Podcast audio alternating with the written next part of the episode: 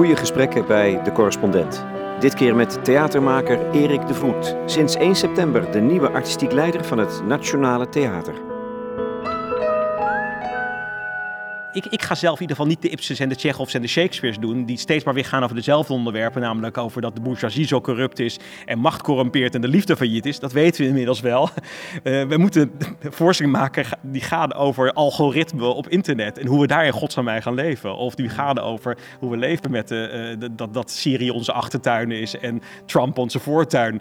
Uh, wat is dat voor wereld waar we in leven? Hoe gaan we daarmee om? Er gaan te veel voorstellingen nog steeds, maar gewoon over mannetje, vrouwtje en familie en opa en oma waar blijven de voorstellingen over de, de families, over mensen die to totaal overgeleverd zijn aan één persoon nog maar, of aan uh, virtuele liefdes. Ja. Daar maken we te weinig voorstellingen over, vind ik.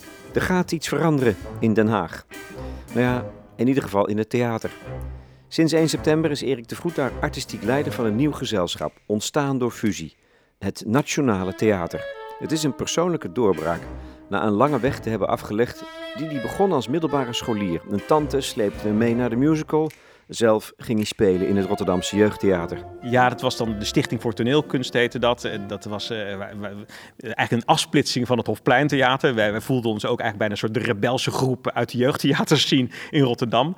En dat stelde natuurlijk helemaal niks voor. Niemand, uh, uh, maar voor ons was, wij hadden echt ons clubje. En we gingen met een, weet ik veel, een Volkswagen busje naar een Fools in Roermond. En daar speelden we, op het Fools Festival speelden we een roodkapje act. We acht mannen die in roodkapje, of acht jongens die in roodkapje waren verkleed en daar een hele bizarre, absurde acte op voerden. Maar wij voelden ons, ja, wij voelden ons echt een rock'n'roll groep dat we dat deden daar. Een lichte vorm van uh, vrolijke anarchie. Ja, absoluut. En voor, voor mij ook wel, het, is eigenlijk, het was eigenlijk in instantie een soort, een soort clownscursus, en een, of een foolscursus heette dat dan, fools theater voor mij is dat toch wel de bron geweest voor mijn van, van mijn theater. Van theater moet altijd wel een soort ja, entertaining zijn of een act zijn of zo. Het, het, mag, moet, moet veel humor in zitten. Het moet wel sprankelen of zoiets. Mag niet saai zijn, dat is verboden. Een nieuwe generatie meldt zich. Veertigers nemen hun verantwoordelijkheid als leider. En er komt nog een andere beweging bij die het toneel een nieuw elan moet geven. Zowel in Rotterdam als in Den Haag zijn fusieprocessen gestart. De stadsgezelschappen aan de ene kant, het Roodtheater, het Nationale Toneel, gaan samen met de schouwburgen aan de andere kant. De organisaties vloeien in één, aanbod en afname gaan hand in hand. Het moet de vitaliteit van het theater ten goede komen, maar het zijn uiterst ingewikkelde en moeizame besprekingen die in Den Haag bewust buiten beeld van de publiciteit zijn gehouden. Het gaat hier namelijk over, over een fusie met drie partijen. Uh, dus Theater aan de Spui, Koninklijke Schouwburg en het Nationale Toneel. Grote organisaties, veel publiek, uh, veel belangen, veel geld ook. En nou ja, om die een soort van bij elkaar te krijgen. Ik heb bij het proces ben ik daarbij geweest. Ja. Uh, hoe, hoe, die directeuren met elkaar spraken, hoe er onderhandeld werd. Nou, dat is, maar dan zat je er als, als, van de zijlijn, zag je zag je toe op dat proces of had je een inbreng? Ja, ik was een soort luisterende pels eigenlijk, ja, zou ik maar zeggen. Dus, dus uh, ik, ik, uh, ik had niet de illusie dat ik enige macht op dit proces had, nee. maar wel uh, een soort van, ja, ik kom ik kwam ja, met ideeën aan, met, met, om helpen, geprobeerd mensen bij elkaar te brengen of ja, een nieuw perspectief op dingen te krijgen. Soms ben ik ook helemaal afwezig geweest omdat ik gewoon te druk was in Duitsland bijvoorbeeld, maar ik heb het proces wel van ja. behoorlijk nabij gezien. En dat was een heel intensief proces. En het is heel goed dat dat eigenlijk niet via de straat is gevoerd, zoals in Rotterdam een beetje het geval is geweest. Maar dat dat eigenlijk heel ja, bij, bij een low profile is gehouden.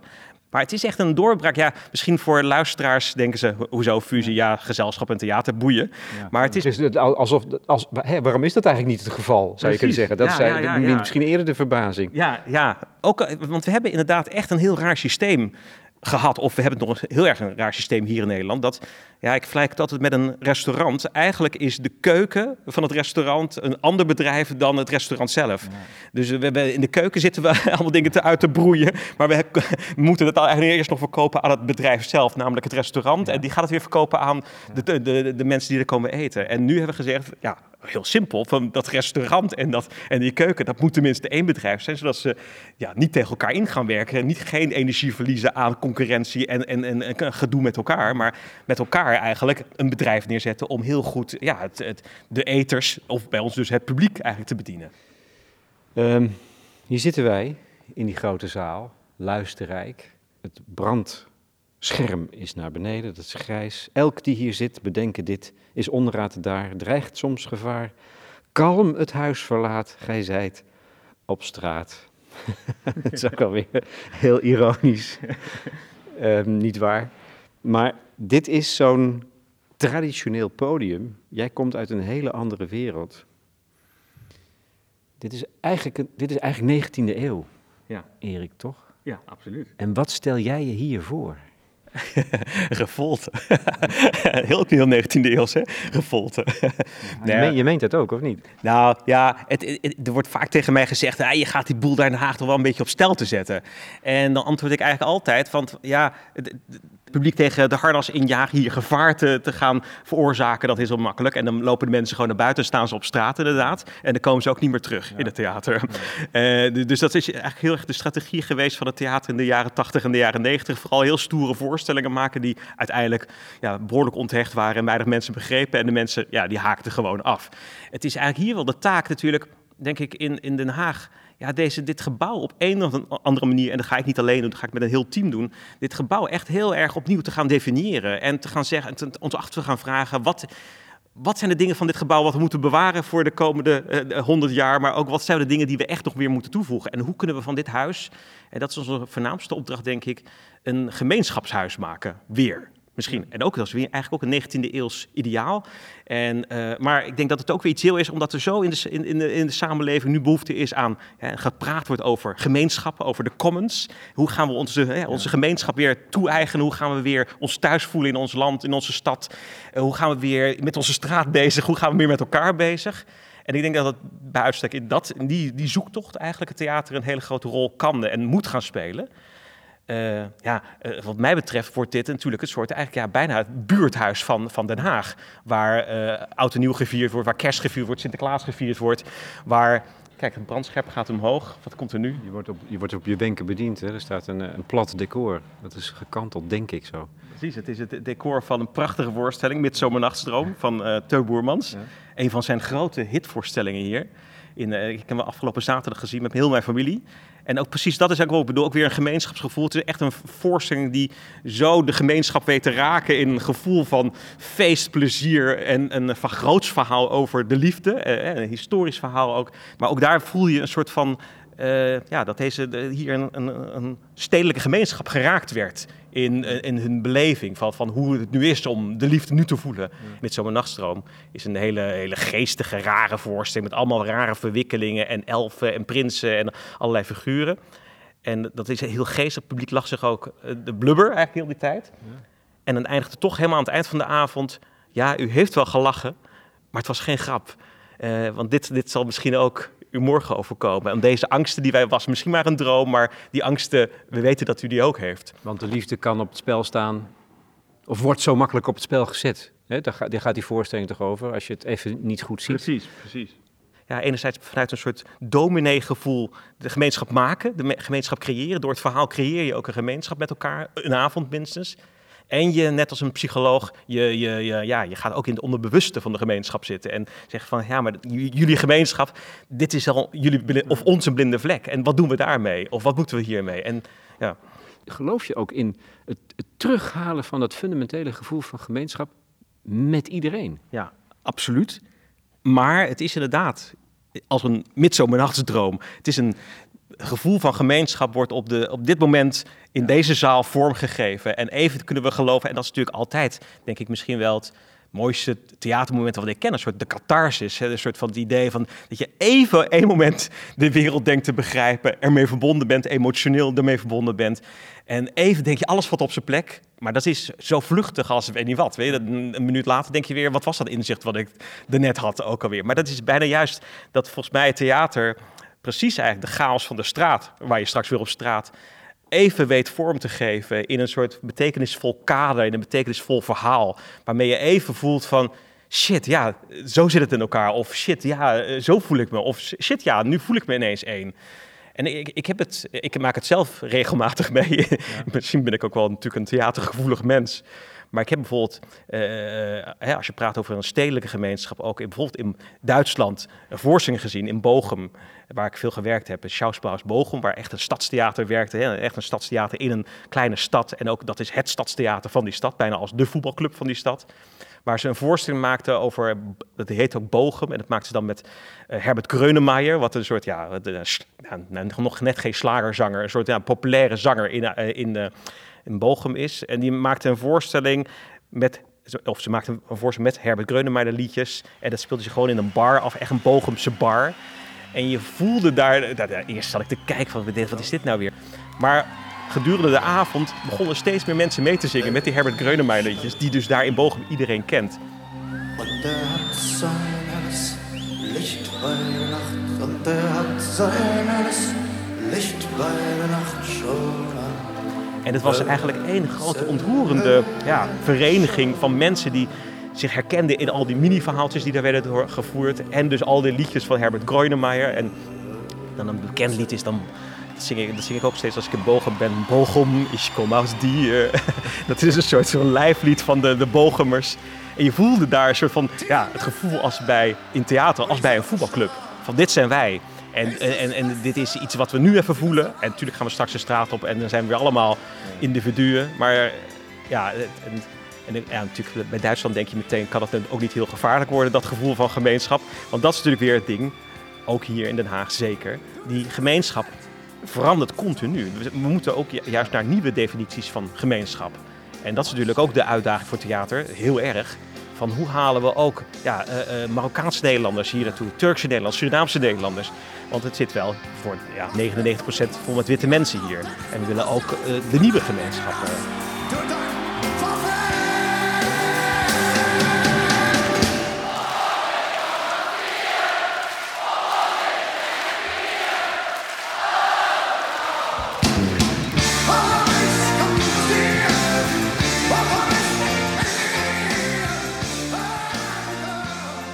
Heb Den Haag echt ontdekt de afgelopen anderhalf jaar.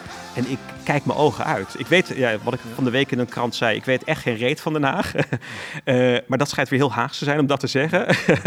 uh, maar ik vind het een veel sprankelender en wervelender stad dan ik had verwacht. Ik heb toch altijd wel een beetje beeld gehad van het is een beetje een muffe stad. Toch een beetje de, de stad nog steeds. En een, maar de, de, ja, de hele internationale sfeer die hier heerst, heeft me heel erg verrast. En uh, de, de, dat, dat je naar, naar het Nederlands Danstheater gaat en dat daar de hele zaal vol met expats zit, dat vond ik een grote ontdekking. Heb ik eigenlijk in Amsterdam weer nog niet zo gezien.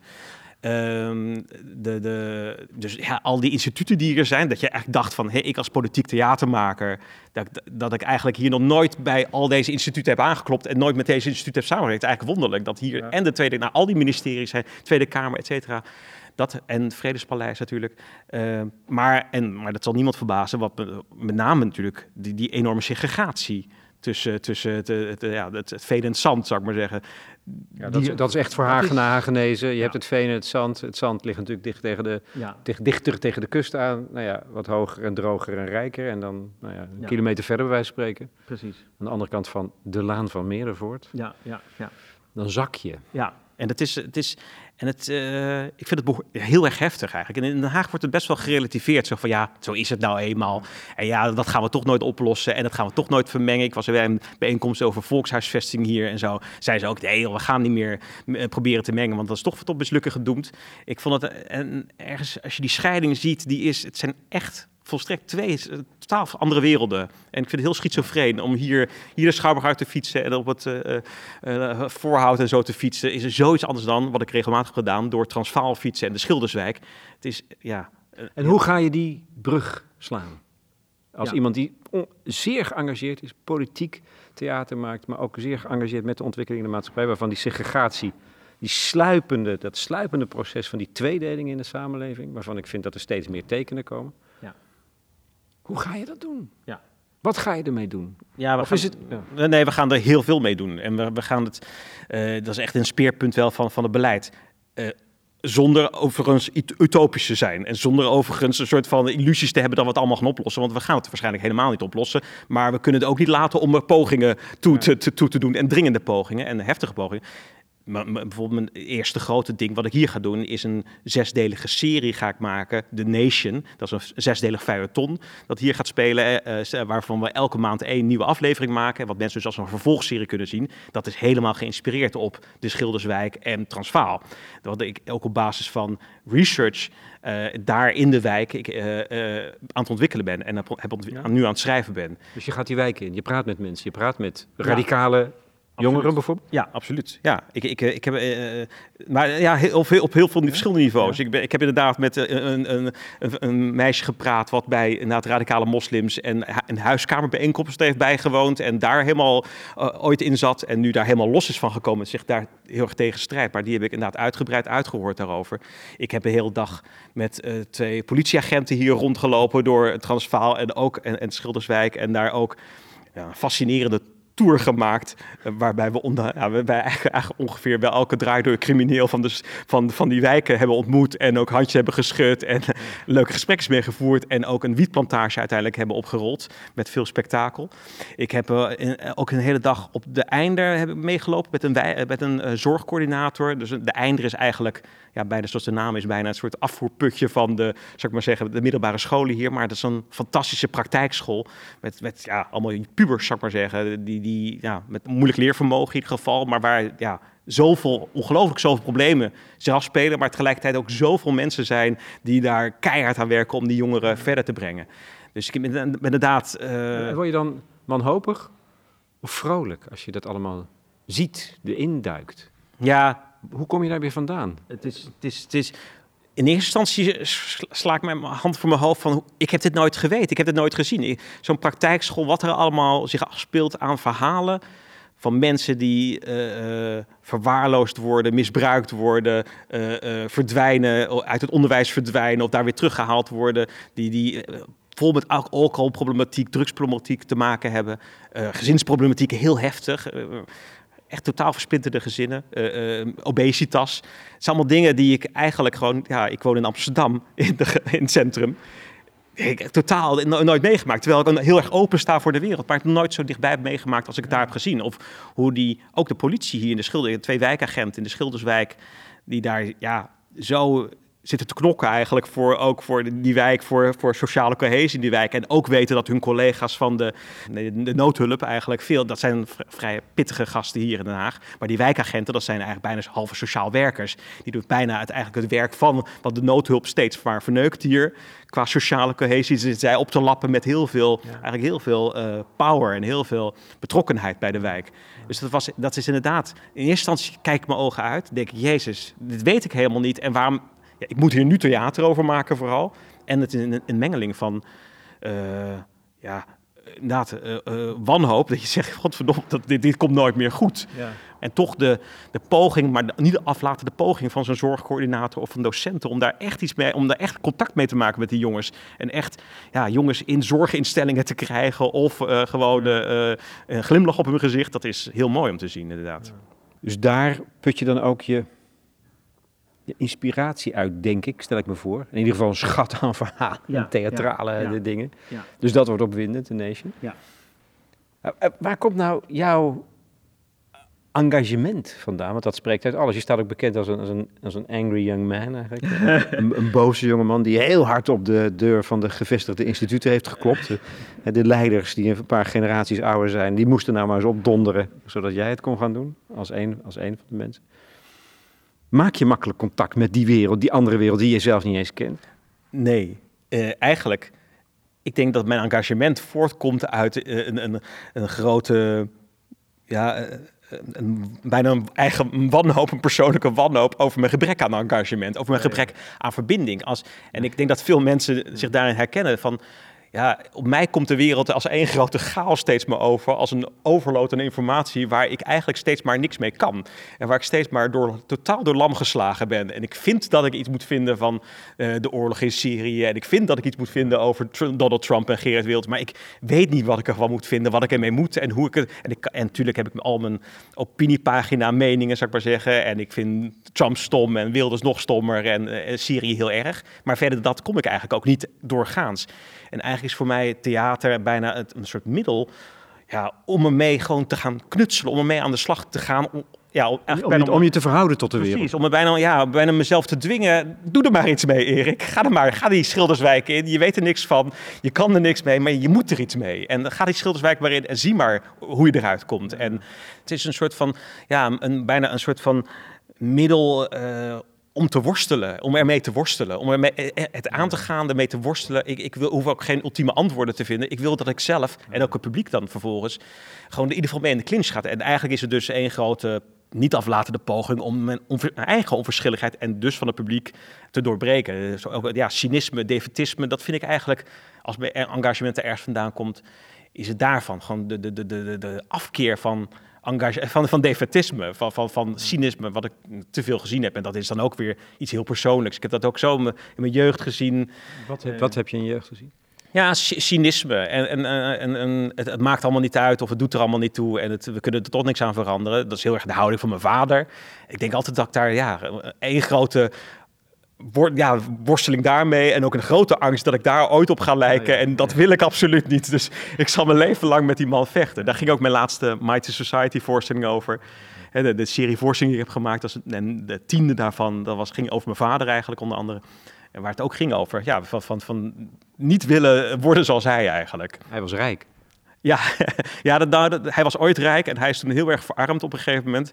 En eh, dat, heeft hem zo gefrustreerd eigenlijk. ze- En hij heeft hem zo rancuneus gemaakt dat, dat, ja, dat, dat was iedereen's fout behalve zijn eigen fout.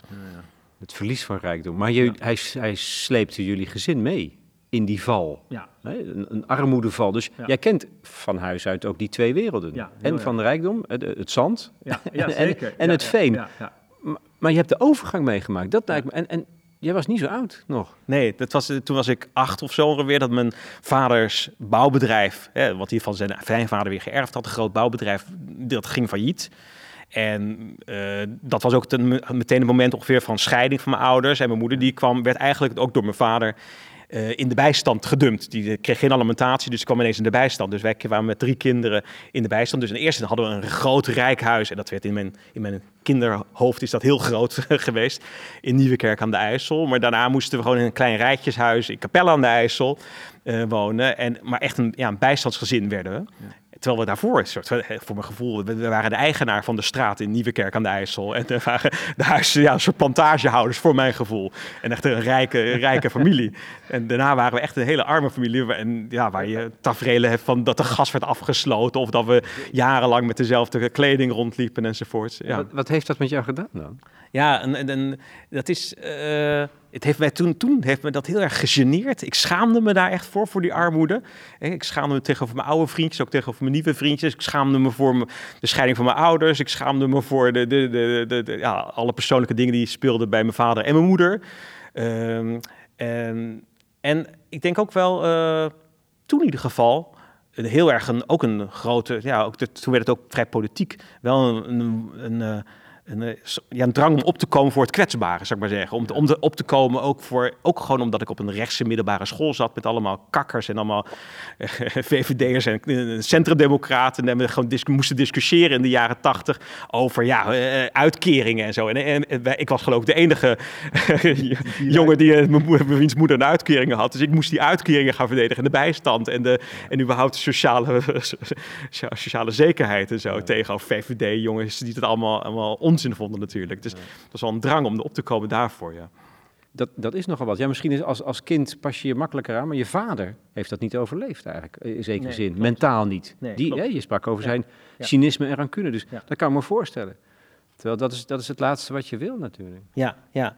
Het is. eh, Nee, mijn vader heeft nog heel lang gedaan alsof hij rijk was. Dus die, die heeft nog een soort van. Eigenlijk altijd tot het einde van zijn leven een soort van de aura gehad. Dat, al- dat hij een rijke man was. Terwijl hij het echt niet was. En dus met veel schulden ook gestorven is. Eh, ehm, ja, en het heeft me wel. Want ik vond het juist als kind misschien wel heel moeilijk me eraan aan te passen. Dat ik het dus heel raar vond om ineens aardappelen te gaan eten. in plaats van eh ziekere dingen of zo. Ziet, Dus eh, m- andijvie hadden we, eh, had ik tot mijn achtste bijna nooit gegeten. En daarna gingen we ineens gehaktballen met andijvie eten. Dus dat was voor mij, vond ik heel raar. En dat vond ik ook onacceptabel als kind. Terwijl ik denk nu als, als volwassene of zo, ik, ik vind het ook wel weer, heb ik wel weer de charme van armoede of zo. Her- herken ik dan wel weer of zoiets. eh, Persoonlijk dan. Maar dat... eh, Ja, charme, van, charme van de armoede, is, Ja. is die er ook? Nee, ja, maar Ja, dat- nee. dat, dat vind ik nu ook eigenlijk te lichtzinnig om te zeggen. Want ik vind dat, ik, ik coqueteer natuurlijk als, als, hè, als student, weet ik veel, ben ik ook arm geweest. Maar dat is ook een soort, ja, zo, dat is romantische armoede. Maar eigenlijk is aan, denk ik nu aan die echte armoede die ik ook in de Schilderswijk heb gezien, of die, die mijn moeder ineens meemaakte, of wij met, mee, meemaakten, is helemaal niks romantisch aan. Dat is eigenlijk alleen maar ja, deprimerend en ondermijnend. En een soort van vooral zoveel energie wegzuigend. En ja, te veel bandbreedte in je hoofd vooral innemen voor dat soort basale zorgen.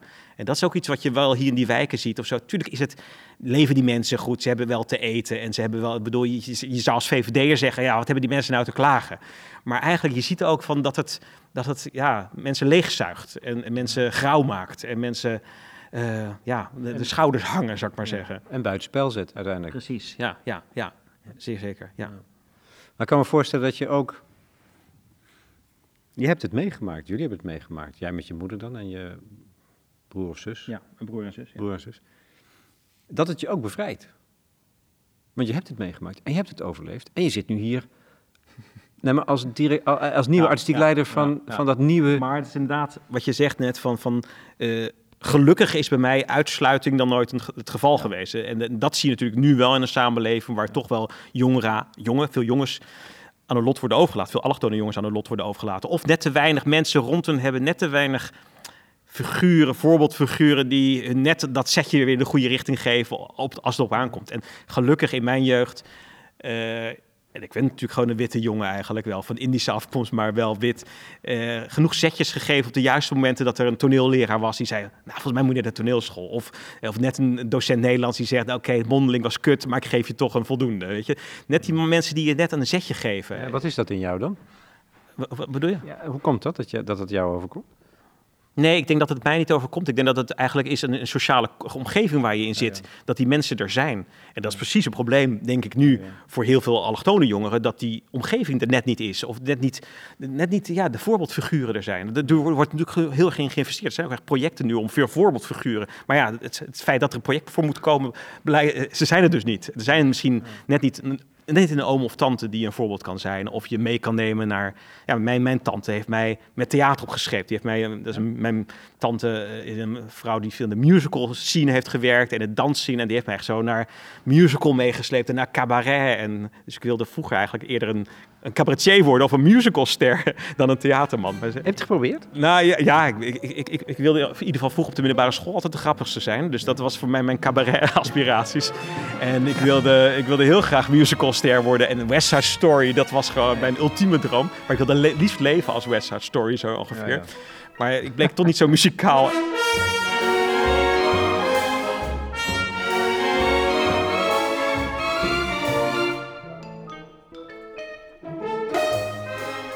Is ook eigenlijk ook gelijk bijvoorbeeld bij mijn eerste voorstelling die ik hier ga maken voor The Nation, ga ik Race maken van David Mamet. Een voorstelling die precies gaat over het heftigste debat waar we nu in zitten, dus over racisme, zwart en wit. Uh, ik zeg steeds, het is de, de, de Zwarte Pieten discussie, maar dan op uh, hoog niveau, in ieder geval op hoog Mamet niveau. Het is namelijk een, eigenlijk een advocatendrama wat gaat over een, een man uh, die beschuldigd wordt van het verkrachten van een zwart kamermeisje, een rijke man, een soort Strauss-Kaan dus eigenlijk, Strauss-Kaan-affaire. Mamet heeft echter twee jaar voor de Strauss-Kaan-affaire geschreven. En deze man die beschuldigd wordt, die komt op een advocatenkantoor terecht... waar een witte en een zwarte advocaat werken. Hij wil dat hij hem, hem verdedigen. Um, maar op dat advocatenkantoor ontspint zich eigenlijk natuurlijk een discussie over deze zaak... over het wel of niet racist zijn van deze man. Maar ontspint zich ook een discussie, ook met het zwarte, de zwarte stagiair die op het, uh, op het uh, advocatenkantoor werkt, ontspint zich een discussie over uh, ja, de onbewuste racistische drijfveren die op dat, en seksistische drijfveren ook die op dat kantoor leven. Dat is een heel heftig onderwerp, heel zwaar eigenlijk. En, en, en natuurlijk ook midden in de soort van de. zitten we een beetje in de ziel van onze tijd te peuren dan met die voorstelling. Maar het is door David Mamet op zo'n met zo'n humor geschreven en zo ja, echt een mindfuck is het. Je weet als publiek echt helemaal na anderhalf uur echt niet meer waar je aan toe bent in dit debat. Dus het, het, het, ja, het, slaagt erin volgens mij, als het goed is straks, om in ieder geval eh, ja, alle vastgeroeste posities in het debat helemaal los te frikken met heel veel humor. En dat we hopelijk eigenlijk ja, eindelijk eh, ook kunnen lachen om dat debat en met dat debat. En ook om onze eigen, uh, ja, en ook wel in, in, kunnen zien dat we eigenlijk allemaal wel behept zijn met die min of meer racistische drijfveren.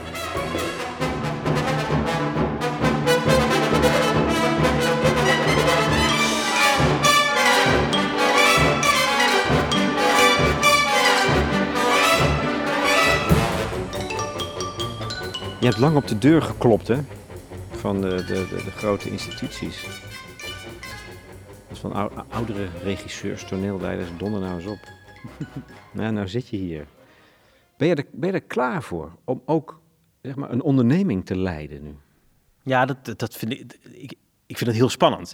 En dat, dat is, ik vind het ook niet iets wat te onderschatten is. Want je kan heel makkelijk het van buiten roepen, dat moet allemaal anders. Maar hoe je van binnen eigenlijk als, bijna als bestuurder aan de slag moet. Ja, eh, po- politie- politicus zijn is makkelijk in die zin eh, campagne maken en meningen verkondigen. Maar ja, ik, ik heb ook in de politiek, maar dus ook op deze positie bewondering, bewondering voor de mensen die het, gewoon het handwerk gaan doen. En hoe ze, ja, ik moet ook nu in vergaderingen zitten en daar eh, proberen budgetten voor elkaar te krijgen. Ik moet ook eh, met mensen eh, draagvlak vinden voor bepaalde veranderingen. En het is, en dat is natuurlijk allemaal veel stropiger en veel minder romantisch en veel minder meeslepend dan ik had gehoopt. En, maar ik vind het wel echt mijn taak. Ik vind het ook een taak voor mijn generatie. En dat doen we ook. Het Thibaut zit in Utrecht en Marcus... Thibaut Delpeu dus Precies, en Marcus Azini in Arnhem en eh, Julie van den Berg zit, zit in, in Groningen. Dus er komen echt een hele jonge generatie aan die zeggen van... Het is onze, ja, onze taak om als bestuurders deze, deze bedrijven te gaan veranderen en ja, ons op te maken voor 2025. En deze, deze bedrijven, deze grote logge bedrijven, en die ook toch eigenlijk ook een beetje ja, eh, al decennia op dezelfde manier werken, ja, echt te vernieuwen en nieuw invloed te geven. Maar ook je verantwoordelijkheid nemen, begrijp ik. Ja, Hè, dat, je, dat je dat... eh, Dat was in, in 2011 was ik een van de, de, de organisatoren met andere, vele anderen van de Mars ter Beschaving. Heb je ook nog meegelopen?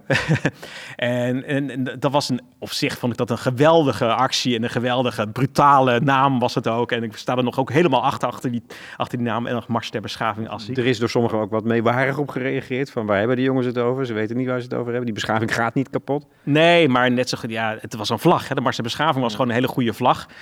Tuurlijk dekt hij de lading niet, maar Partij voor de Vrijheid dekt ook de lading niet. En eh Sociaal-Democratische of een Christelijk-Democratisch appel dekt ook de lading niet meer. Dus wij hoeven ook niet de lading te dekken, maar we hebben in ieder geval wel aandacht getrokken met die, met die naam. Dus ik sta daar helemaal achter. En ook, maar wat mijn grootste ontdekking was eigenlijk met die Mars der Beschaving. Dus zei Laura van Doren zei dat tegen me. Wauw, dit is je beste voorstelling die je ooit gemaakt hebt. en het was ook omdat er zoveel energie en zo brutaliteit uitsprak. En ook ineens we zo naar buiten, naar de samenleving gingen. En ook ineens allemaal schotten die wij in onze eigen sector hebben gezet. Allemaal ineens doorbroken waren. Want we liepen daar met dansers en videokunstenaars en met mimers en met orkesten liepen we allemaal achter elkaar naar dat Malieveld. Dus, dus er was, ineens zoveel vernieuwing mogelijk. En eigenlijk was dat de realisatie de dag na de Mars ter Beschaving, toen we natuurlijk helemaal niks hadden bereikt. Maar wel eigenlijk van nu is het ja, een, tijd voor, ja, zoals vroeger, de, de Mars der instituten. Nu moeten we de instituten in en daar die energie proberen voor elkaar te krijgen. Die, die al die schotten om, om, omverhalen en ook ja, die brutale kracht naar de samenleving eigenlijk gaan, gaan, gaan vormgeven. En eigenlijk is het dus, ja, vind ik, gaat dit voor mij door op wat we met de Mars ter Beschaving hebben gedaan. Dat gaat nu hier verder op dit moment. Het, is, het klinkt zo ontzettend goed en veelbelovend. Ik wens je een eh, goede tocht. Een goede reis, een goede mars, Erik. Kom kijken, zou ik zeggen.